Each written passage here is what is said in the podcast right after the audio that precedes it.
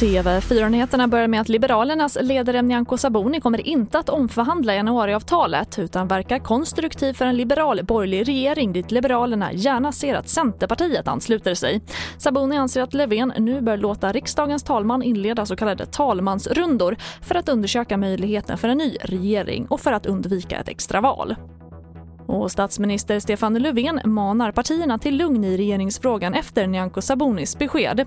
Löfven säger att ett förslag på en lösning ligger på bordet och uppmanar till att låta svenska folket fira midsommar så får partierna ta tiden och fundera igenom den här lösningen och se hur vi kan undvika politisk oro i Sverige.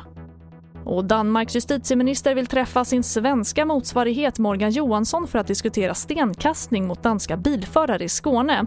Det handlar om ett 50-tal polisanmälningar på E65 mellan Ystad och Svedala där flera bilister fått splitterskador och en man förlorade synen när en sten flög in genom hans vindruta.